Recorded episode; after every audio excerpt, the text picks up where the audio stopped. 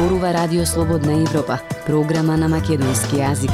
Од студиото во Скопје, Марија Тумановска. Добре дојдовте во емисијата. Во неа ке слушате. 59 години по катастрофалниот земјотрес прашуваме во што се претвори Скопје. Граѓаните велат дека Скопје е пренаселен град со многу бетон и сообраќај. Новата цена на парното ќе се знае за неколку дена. До крај на месецов, регулаторна ќе соопшти колкаво ќе биде поскапувањето. Иницијативата Отворен Балкан не ги намали гужвите и чекањата на границите. Граѓаните и камионџиите се жалат. Властите во двете земји велат дека сега се чека помалку од порано. Независни вести и анализи за иднината на Македонија. На Радио Слободна Европа и слободнаевропа.мк. Започнуваме со емисијата. 59 години од катастрофалниот земјотрес во Скопје. За само неколку секунди беа уништени 15.800 станови, оштетени 28.000. Над 200.000 луѓе останаа без покрив над глава. Во неговата обнова помогнаа многу земји, но во изминатите години ликот на градот во голема мера се промени. Прилог на Јасмина Јакимова. Град на гужви пренаселеност нечистотија. Вака граѓаните го доживуваат Скопје, 59 години по земјотресот кој целосно го промени неговиот лик. Обновен со меѓународна помош, градот на солидарноста беше замислен како модерна светска метропола, но луѓето кои живеат во него не го доживуваат како таков. Еро Ломер себе си се нарекува стар скопјанец. Живеел неколку години во Германија, но повторно се вратил назад. Сега вели дека му е жал за она во што се има претворено неговиот град. Разочаран сум порано беше подруго. Како да кажа имаше цуша, имаше све.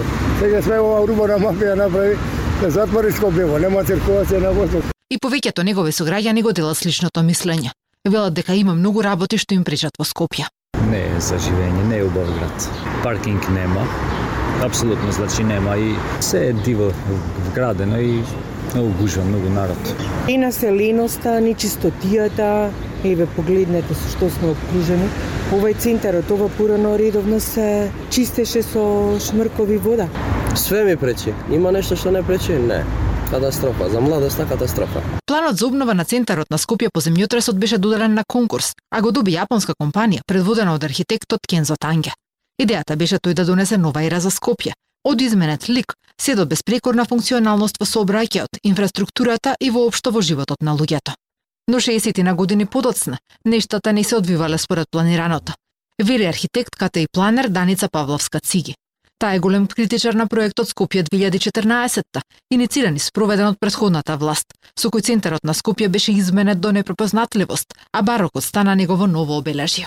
Застранувањето од плановите веле дека дошло по 80-тите кои ги смета за светли години во архитектурата во Скопје. Сега забележува дека градот живее во криза.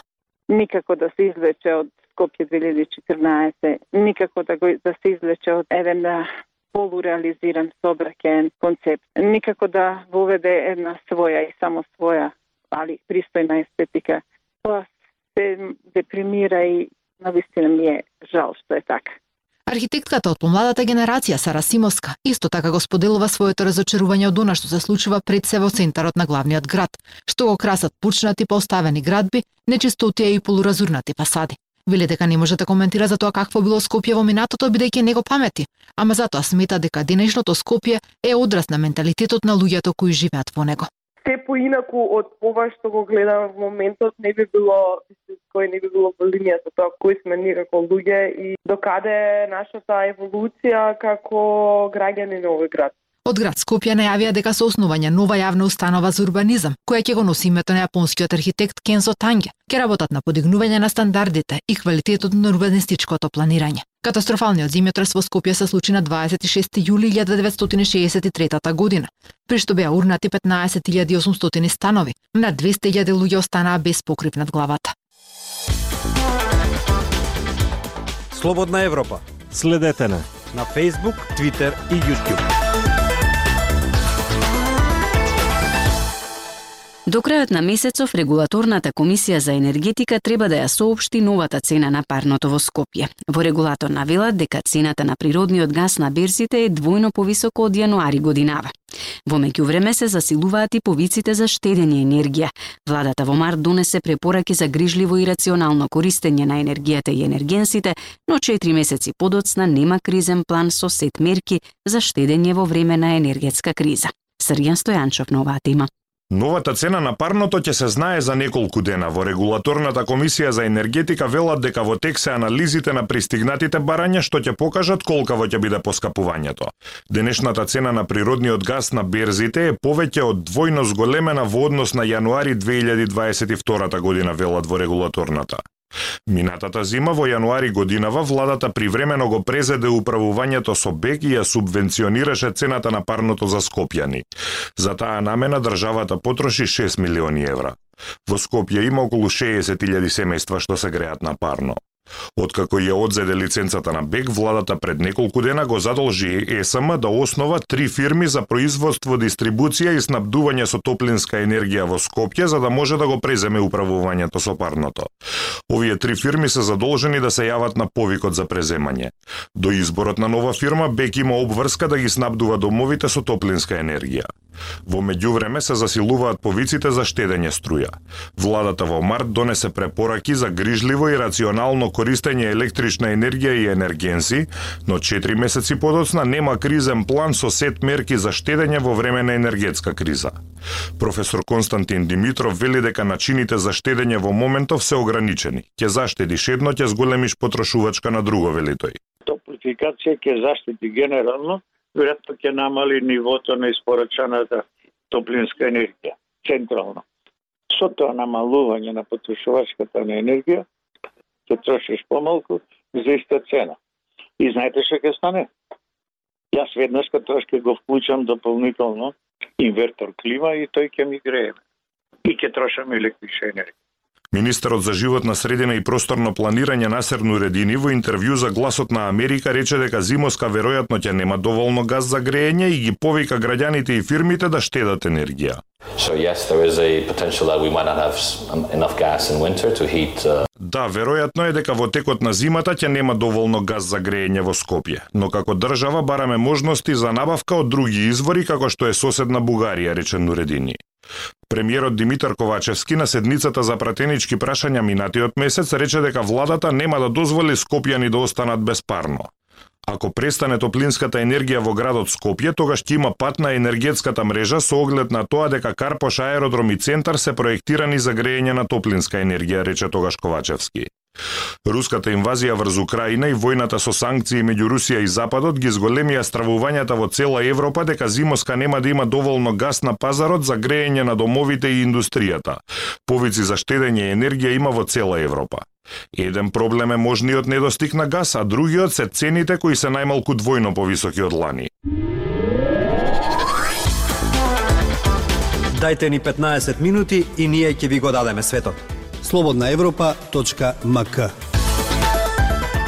Патниците и камионџиите се жалат дека остареле на граничните премини. Повеќе време чекаат отколку што возат. Најголеми гужви има на Табановце за влез во државата.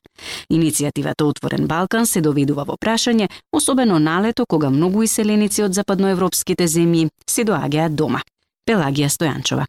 Габриела Јорданов со своето семејство во неделата се враќале од Србија. Пријатели кои предходно чекале на граничниот премин Табановци ги алармирале да не доаѓаат новој премин оти колоните се километарски, па се упатиле на граничниот премин Прохорпчински. Ние чекавме 2 часа и 35 минути. Редицата што остана позади нас и луѓето што чека, значи буквално доаѓаа, се движеа, се шетаа, а, значи веќе беше беснило во прав смисол. Ноќта пред нас, пред ние да дојдеме, пријателка на Сабановце застаната во 12 часа, спомината Сабајле во 6 часа вели Јорданов.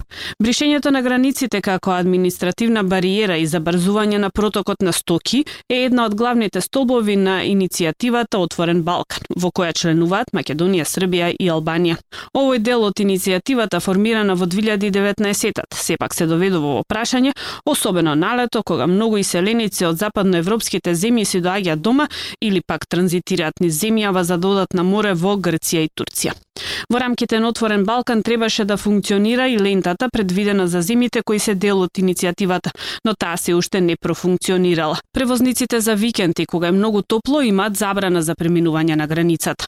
Билјана Муратовска од Асоциацијата на превозници Макам Транс веле дека побарале од надлежните таа забрана поинаку да се уреди за да не се прават гужви. Како држава се уште не сме спремни, немаме посебни е, паркинг плацови каде што возилата кои што треба да застанат заради горештините, заради викендот, каде возачите ќе можат и да се разлозат и да чекаат, тоа значи дека со тоа се оптеретуваат граничните премини каде што возилата телосно застануваат. Така да некогаш што отежнува и тие што имаат приоритет за поминување, како што викато на зелени ленти, што би требало, значи не можат ни да стафаат до граничниот премин за да го искористат тоа правило. Вели Муратовска, таа посочува дека не може докрај да го ползуваат отворен Балкан, оти системите на државите не се целосно поврзани. Пред речиси три години на 26 август 2019 тогашниот премиер Зоран Заев и српската премиерка Ана Брнабич на Табанов се отворија едношалтерски граничен премин.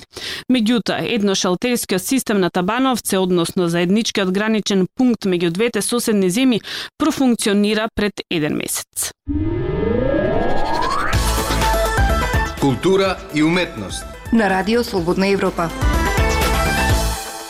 Празно место е насловена шестата поред поетска збирка на Снежана Стојчевска, што како издание на современост се појави деновиве.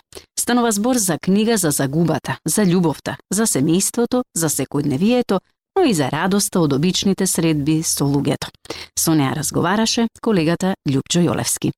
Кога во рака ќе ви се најде нов поетски ракопис од веќе етаблиран автор со предходно пет објавени стихозбирки кои добиле голема доза на внимание и признание на книжевната сцена, неизбежно е да имате високи очекувања и одредена љубопитност што овој пат поетот ќе донесе во своите стихотворенија. Со впечатливите поетски слики што ги создава преку едноставниот, а моќен зборовен венец, со безпрекорната творечка естетика што е воочлива на секоја страница, со грижливо избраната тематика тематика, здравите конструкции на стиховите, празно место на Снежана Стојчевска несомнено ги оправдува високите очекувања, на моменти и ги надминува. Вака Љупка Антевска, поетеса и новинарка, ја почнува својата инспиративна рецензија за новата поетска објава на Снежана Стојчевска, што како издание на современост се појави деновиве. А во најавата за книгата, за која патем колицата повторно е дело на низиниот син Калин Маловски, ќе биде забележано дека празно место е шестиот поред поетски ракопис на Стојчевска, кој стилски и тематски се надоврзува на неизините предходни поетски книги, особено на последните две. Треба да е лесно и ќе се завијам во песни. Дека таа овде го утврдува и надградува својот веќе препознатлив стил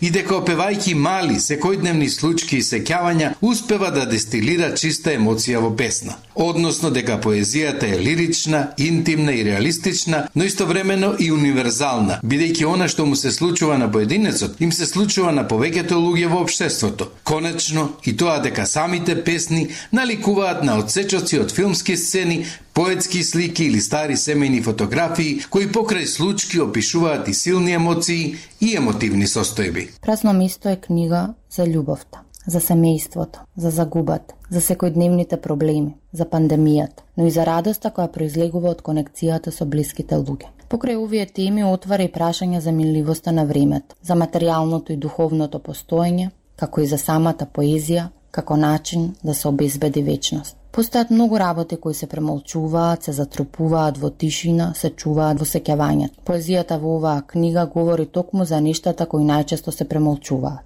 Отвара прашања, како на пример како да се продолжи понатаму по загубата на родителот. Како да се живее со болката и сеќавањата кои се живи и се присутни. Како да се љуби, да се зачува сјајот на љубовта. Како да се старае без страв. Како да се биде добар родител, добро дете, добар партнер. Како да се биде добар со себе. Како да се остане нормален и цел во ова сурово и непредвидливо време. Вели Стојчевска, Поетесата и со дополна дека во новата збирка таа пишува и за, за просторот помеѓу реалноста и фантазијата и оној што си го даваме самите на себе.